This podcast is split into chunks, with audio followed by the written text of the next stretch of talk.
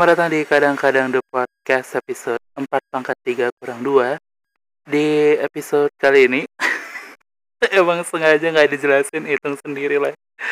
Jadi kalau lagi ada yang dengerin terus kayak Eh berapa tadi? gitu. Soalnya selama ini ngomongin episode nggak ada yang ngeh sih. Jadi kayak Eh berapa tadi? gitu. Jadi silahkan di rewind terus didengarkan Berapa sih tadi? gitu. Episode berapa sih ini? Eh di episode kali ini sebenarnya aku mau ngomongin beberapa hal. Banyak sih. Pertama, eh, eh ini apa ya? Gimana ya jelasin? Jadi untuk yang dengerin episode 61 di mana aku ngomongin soal eh, permusik komposingan.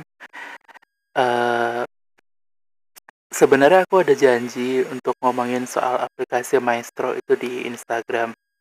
Eh, jadi aku ada janji di Instagram untuk ngomongin aplikasi Maestro, aplikasi uh, musik composing yang aku pakai itu untuk aku omongin di podcast. Uh, tapi kayaknya nanti aja karena uh, ada banyak hal lain yang lebih menarik untuk diomongin gitu.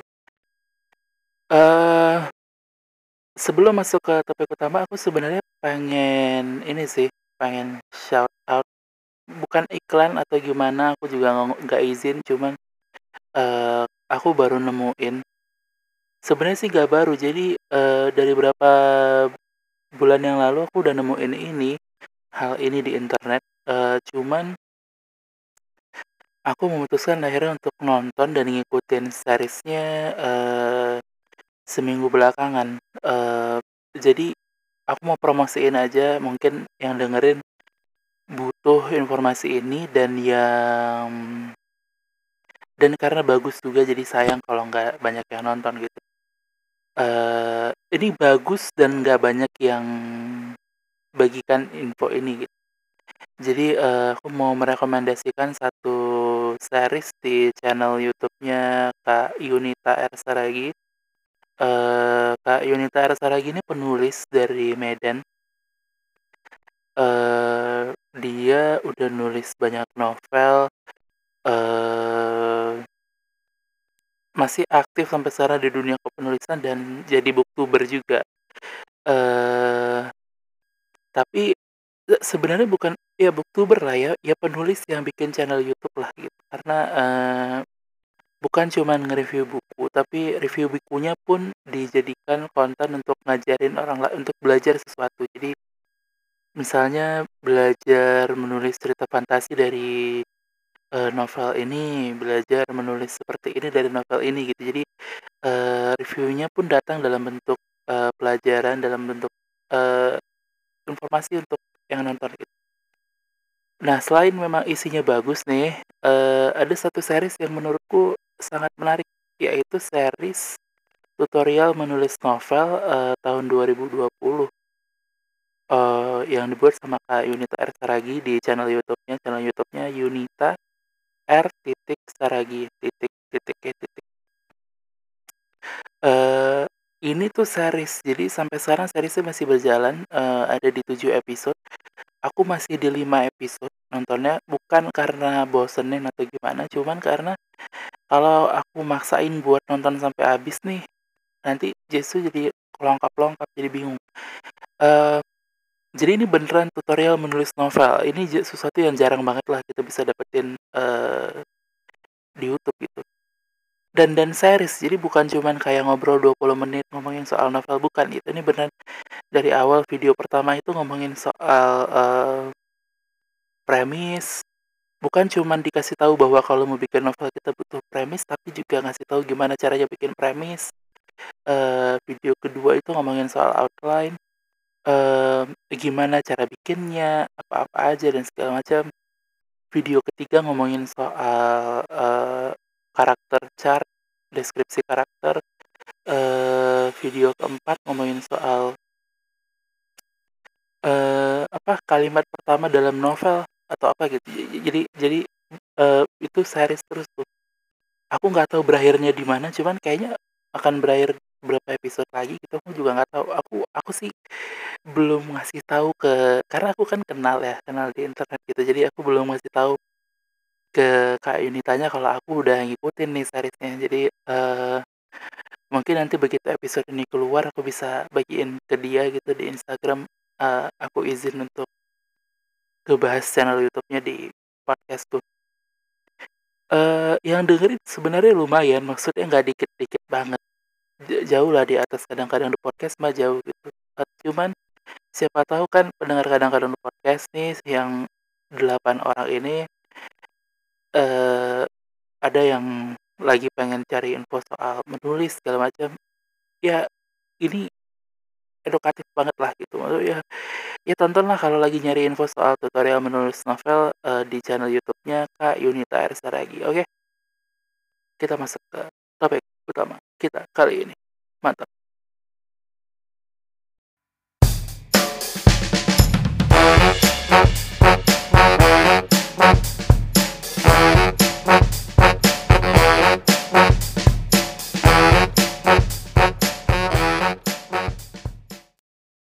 Oke, uh, masih di kadang-kadang podcast episode 4 pangkat 3 kurang 2.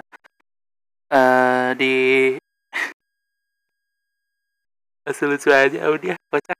Ternyata masih lucu lah lumayan. Uh, di episode kali ini aku mau bagi ini jadi tiga hal ya. Jadi ini akan jadi podcast uh, back to basic ya kadang-kadang di podcast berapa tahun yang lalu di mana uh, waktu itu aku punya tiga topik lalu ya aku bagi-bagi putus putus-putus aja gitu nggak usah dipikirin bridgingnya segala macam ini adalah sesi pertama uh, aku pengen ngomongin soal uh, betapa lucunya orang-orang di internet sebenarnya garis, garis besar sih ke sana lah uh, untuk yang dengerin episode 60 di episode 60 kan aku upload soal membela KPI um, yang di mana sangat kocak sekali ya Audi ya. Punchline-nya, waduh nanti salah nih ngomongnya kebalik dari membela KPI jadi APKI gitu. Diomongin juga.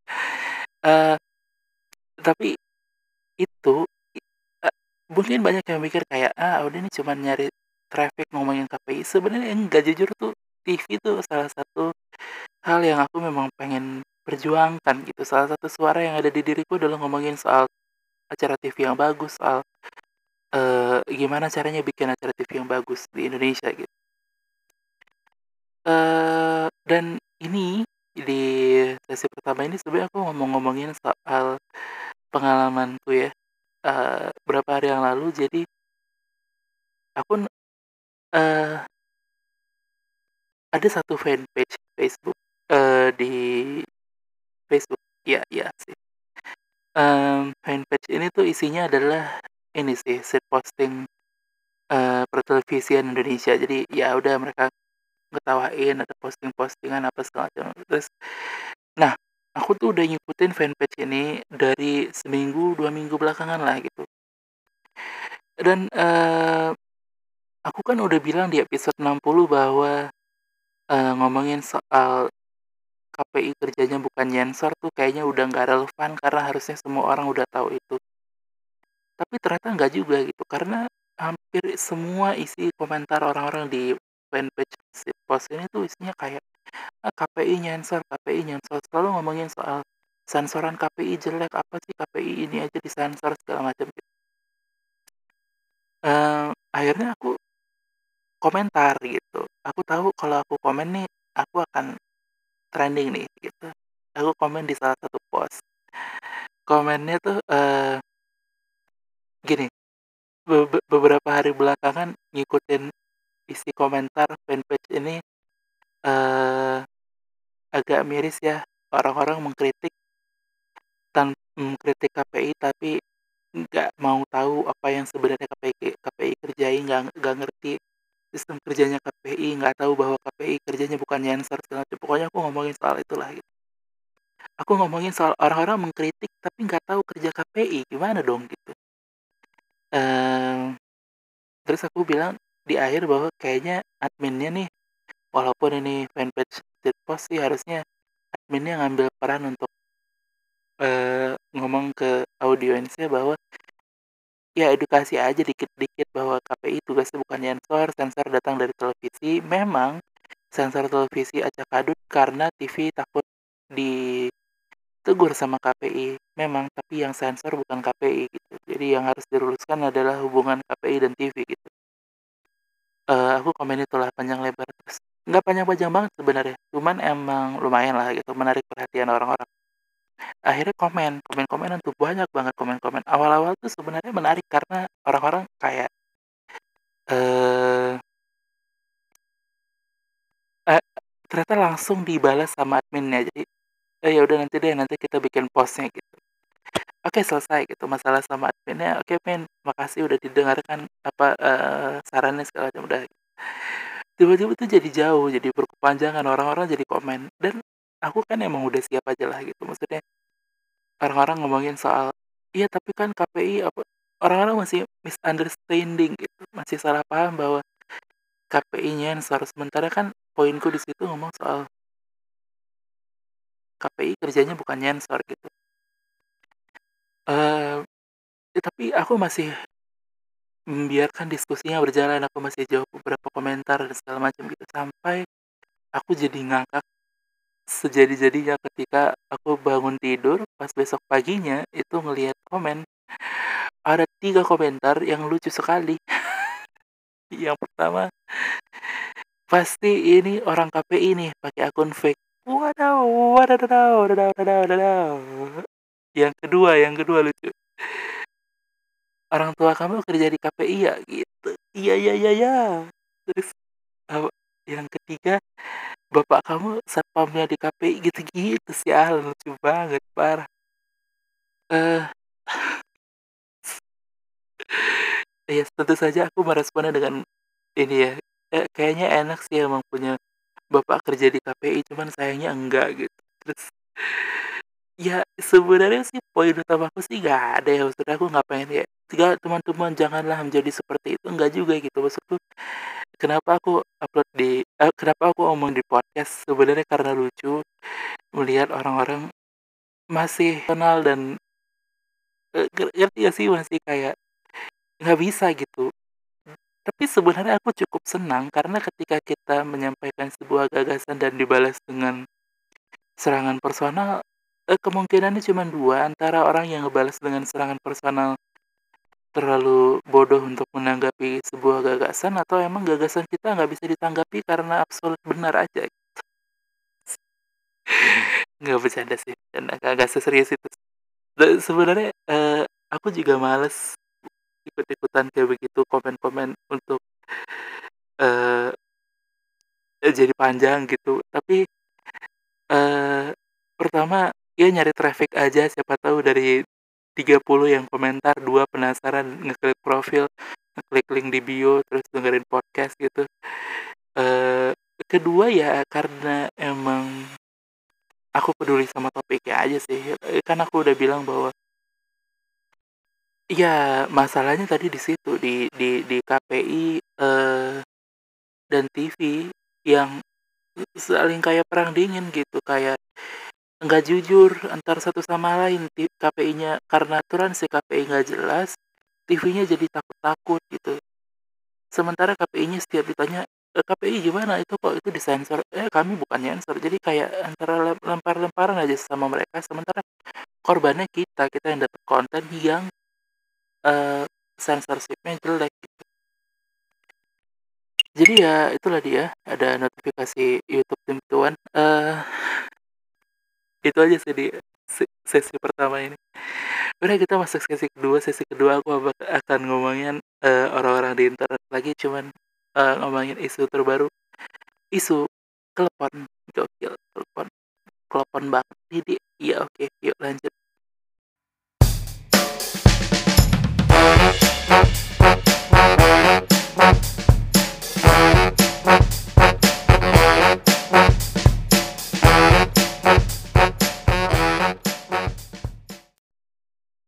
Oke, eee, selamat datang di sesi kedua. Sesi kedua sebenarnya, eee eh, tadinya kan aku janji di akhir sesi pertama mau ngomongin soal telepon nih di sesi kedua. Cuman aku kayaknya mesti agak balik dikit nih, kita mau ngomongin soal eee, isu Palestina dihapus di Google Maps. Eee jadi Aku juga udah tahu ini deh, ini isu udah lama lah. Kita udah dengerin ini isu dari lama, dari 2016 kalau nggak salah. Jadi berapa hari yang lalu tiba-tiba sebuah post viral di Facebook, di Twitter, di Instagram, dan narasinya adalah kalian terlalu sibuk dengan urusan A, B, C, D, E sampai kalian lupa, uh, sampai kalian nggak sadar kalau Google menghapus Palestina dari Google Maps. Gitu. Uh, saran aja nih, siapa tahu ada yang kayak gagap teknologi dan baru ngelihat teknologi sekarang akhir-akhir ini siapa tahu kalau ketemu kayak yang begini-begini, mending diem dan tahan. Karena ada mungkin sekitar 5-10 temanku yang update story dan kayak apa kurang ajar Google, sialan Google. Ada banyak sekali yang kemakan dan langsung memviralkan. Jadi siapa tahu. Tapi aku sih berharap pendengar kadang-kadang di podcast gak ada yang kayak begitu. Mendingan gak ada yang dengerin daripada ada yang dengerin cuman yang dengerin kayak begitu. Uh, saranku sih itu. Pertama jangan kagetan. Karena kalau salah malu banget gitu. Jadi uh, tentu saja aku nggak langsung latah untuk uh, share. Cuman aku ngerti sih kenapa orang langsung latah nge-share nanti aku di akhir akan ngomongin soal itu cuman kita ngebahas isunya dulu nih jadi uh, ini ternyata udah di dikonfirmasi dari dulu bahwa Google Maps itu hanya, uh, mem hanya memasukkan negara-negara yang diakui oleh PBB. Sementara di PBB, Palestina itu belum jadi negara ini, kalau nggak salah masih observer gitu statusnya. Jadi Google bekerja pakai daftarnya pakai datanya PBB gitu. Dan memang nggak ada dari dulu, dari dari dulu tuh nggak pernah ada negara Palestina di Google. Tapi orang heboh karena dipanas-panasin dengan isu yang kayak begini gitu. Jadi yang lucu adalah kayak lucu juga ya orang marah-marah kenapa Google menghapus padahal emang nggak pernah ada gitu. Jadi aneh. Tapi tapi aku bisa bilang bahwa isu ini tuh dibuat. Isu ini buatan. Kalau nggak buatan bodoh banget itu. Maksudnya Bayangin kalau isu ini beneran ada orang iseng buka Google Maps terus dia ngeliat ternyata di Palestina ternyata di Google Palestina tuh nggak ada. Bayangin kalau seperti itu. Uh, bayangin kalau ada orang random misalnya siapa namanya gitu dia ah lihat Google ah di Palestina gimana ya kondisi jalanannya gitu terus dia nyari di Google. Ternyata nggak ada. Loh gimana? Kok nggak ada nih? Terus dia ih parah Google ngapus. Gitu. Kan konsepnya nggak gitu ya maksudnya. Tapi tapi kalau ini dibuat juga lucu sih. Kalau ini dibuat kan kayak eh itu itu udah parah itu kan tuh parah Google ngapus gitu sotoy banget kan tapi kalau isu ini dibuat juga lucu karena kayak aduh hari ini bikin hoax apa nih ya Eh, coba cari deh apa nih yang Islam-Islam apa nih? Kita nyari yang ini deh. Mayoritas biasanya gampang digoyah kan nih. Gampang nih gerakin isu-isu mayoritas.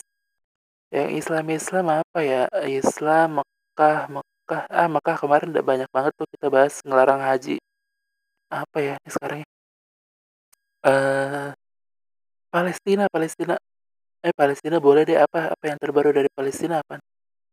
Aduh nggak ada nih bos. Ya udah cek entry deh entry. Palestina, Palestina. Kapan terakhir kita bikin isu Palestina kapan? Oh 2016.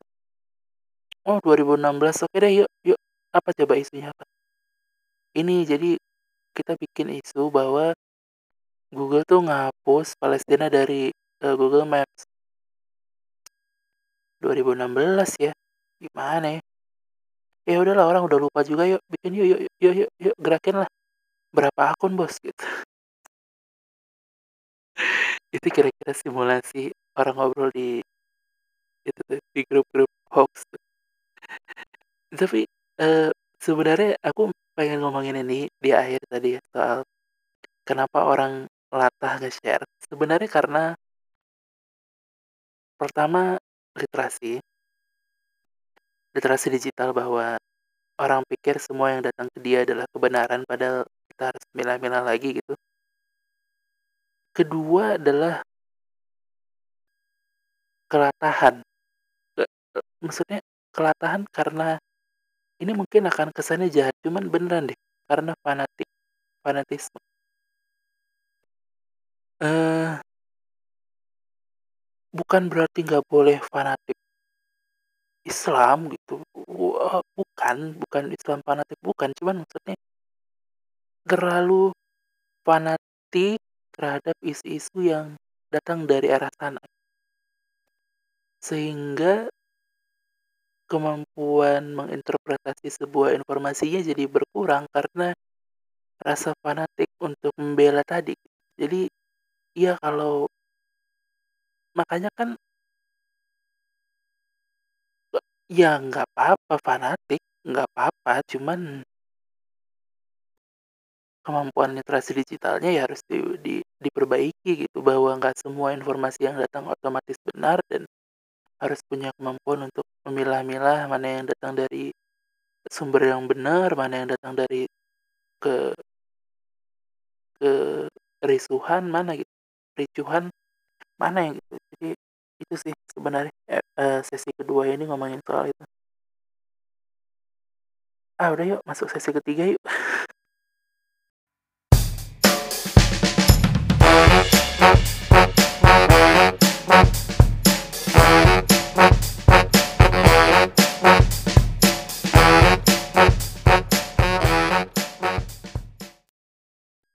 Oke, eee, ini sesi ketiga, kita sampai juga di telepon. itu telepon, aduh basic banget candaannya, basic basic banget. Telepon tuh kan yang ini kan yang "Eh, jangan telepon dong, jangan kelepasan dong," jauh banget, bodo amat. Ya, eee, di sesi ketiga ini kita bakal ngomongin soal isu telepon yang baru-baru ini juga hangat lah, semalam dan hari ini. Jadi, eee sebenarnya aku bisa bilang bahwa aku bangga sama Indonesia. Karena eee, nah ini menarik, nanti aku akan bahas hoax isu, eee, Palestina dan isu telepon. Ya, oke. Eee, kalau kalian perhatiin nih, ketika isu telepon Pak jadi untuk yang nggak tahu, kan ada foto di sosial media di mana, eee, di foto itu tuh kayak ini, kayak, eee, ada foto telepon, terus, eee, di bawah di bawahnya ada tulisan, eee, seakan-akan itu dibuat oleh, eee, toko eee, yang toko online yang ngejual kurma. Jadi, eee, dibuat bahwa, telepon ini jajanan, kue yang tidak islami karena, eee, dia ini, mmm, belilah kurma di tempat kami, pokoknya arahnya tuh kayak begitulah, gitu. Eee, tapi tahu nggak sih, begitu isu ini keluar dan viral dan orang kayak ngomongin, sebenarnya kan kebanyakan di antaranya tuh ngetawain, pertama ngetawain. Kedua adalah kesadaran orang bahwa ini adalah isu bikinan. Isu bikinan eee, untuk membuat ricuh suasana gitu. Aku aku cuma ngelihat 2 itu aku nggak ngelihat ada yang tertipu, benar-benar tertipu tuh ha hampir nggak ada lah, dikit banget. Yang pertama yang ngetawain, yang kedua adalah orang yang ngebahas bahwa ini adalah isu bikinan, eee, isu hoax, bikinan buzzer dan segala macam. Eee, aku bangga dan senang sekali sama itu telepon ini karena akhirnya orang bisa bedain gitu, oh ini ternyata isu bikinan gitu. Eee, menurutku ada 2 alasan kenapa ini ini kita bisa deteksi dengan baik bahwa ini adalah isu bikinan. Pertama, eee, kenapa kita bisa mendeteksi ini adalah isu bikinan, karena alasannya mungkin karena emang isunya jelek aja lah, ya berlebihan banget. Telepon islami, maka ini apa segala macam gitu. Aku yakin nih, ini grup yang bikin hoax ini, grup yang bikin isu ini nih, grup yang udah habis ide nih. Jadi kayak, apalagi habis aduh capek banget. Aduh gimana, aduh, writer's block. Aduh gimana ya, bikin isu apa lagi ya. Beli apa jajanan pasar tuh depan, dulu deh. aduh beli beli beli gitu terus salah satu uh, suruh beli gitu sepuluh ribu datang wah telepon nih. Wah telepon telepon eh telepon aja bos telepon itu ya, telepon aja bos. Itu bikin aja telepon bos. Uh, kita bilang aja telepon nggak islami pura-pura begini bos. Kita bikin skemanya bos gitu. Terus bosnya kan juga udah stuck ya kayak ah ya ya udah bikin deh bikin. Bikin aja dulu skripnya saya mau lihat. Udah gimana bikin? Apa lagi ya gitu. Dia masih underestimate terus kayak udah bikin skripnya sama bawahannya terus uh, gini bos kira-kira gitu. Ini draft pertama gitu. ah ya ya udah deh ya gini aja deh anggap aja ini bonus bilang ke yang mesan gitu. Nanti kita pikirin satu topik lagi yang yang beneran bagus gitu. Jadi jadi emang ini tuh bisa dibilang sisa-sisa lah. Alasan kenapa kita bisa mendetek ini dengan baik bahwa ini adalah isu bikinan dan kita bisa ngetawain ini bareng-bareng hari ini adalah karena ini jelek aja gitu isu tapi ada ada alasan kedua yang juga pengen aku omongin nih dan alasan ini kemungkinan besar kalau aku omongin bakal membantu teman-teman di grup hoax Jadi, eh, karena tidak berdampak langsung logika kita jadi lebih tinggi ketimbang keinginan kita untuk berbagi informasi. Oke, ini rumit sih. Cuman intinya gini, bayangin bandingin yang pertama sama yang kedua ya. Yang pertama kan Google menghapus Palestina dari Google Maps. Straight to the point bahwa isunya Palestina besar banget lalu Google.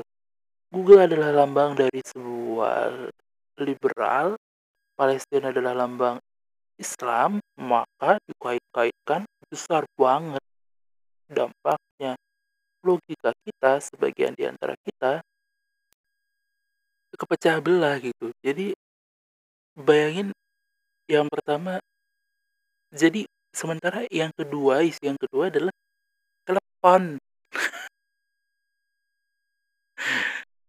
jadi telepon nih. Telepon terus dia tariknya ke kurma. Kurma ke Islam telepon tidak islami jauh banget kan mengawang-awang sehingga ini nggak works. Jadi kalau mau bikin hoax carilah isu dua hal yang beneran berbanding terbalik jauh sekali gitu. Liberal islami atau misalnya sesuatu yang kapitalis lalu menindas rakyat miskin atau apa pun yang hubungannya terbalik yang selama ini ada ada ada sekat gitu.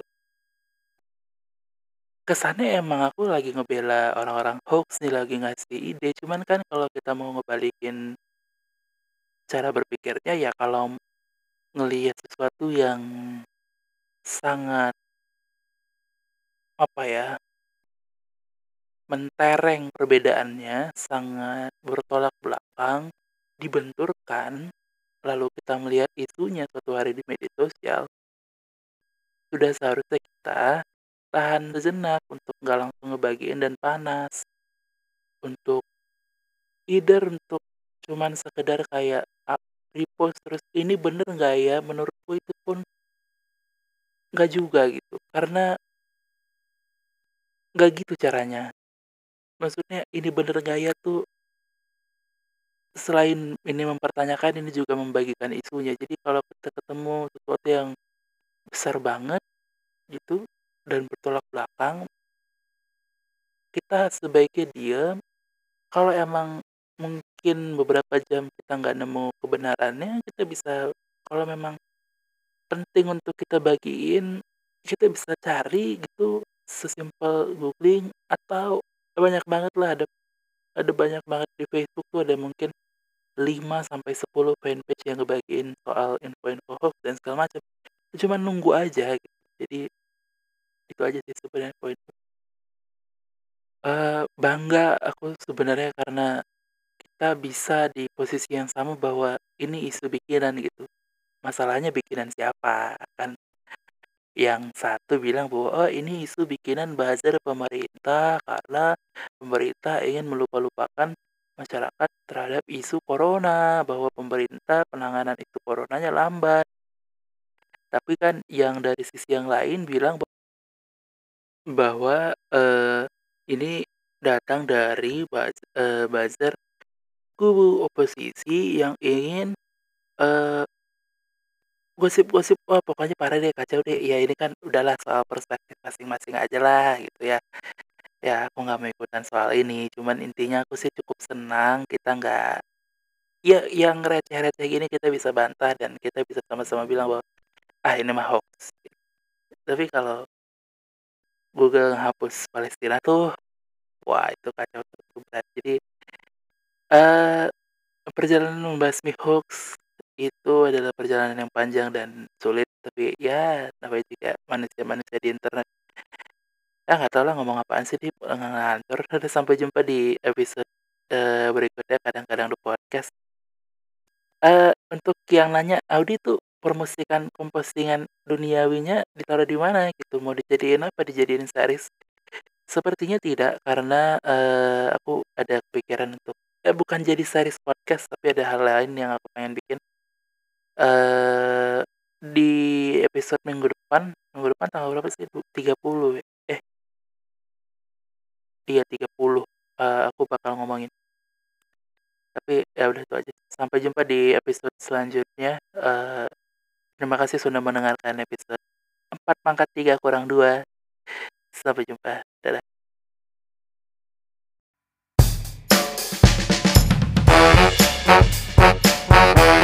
Bye.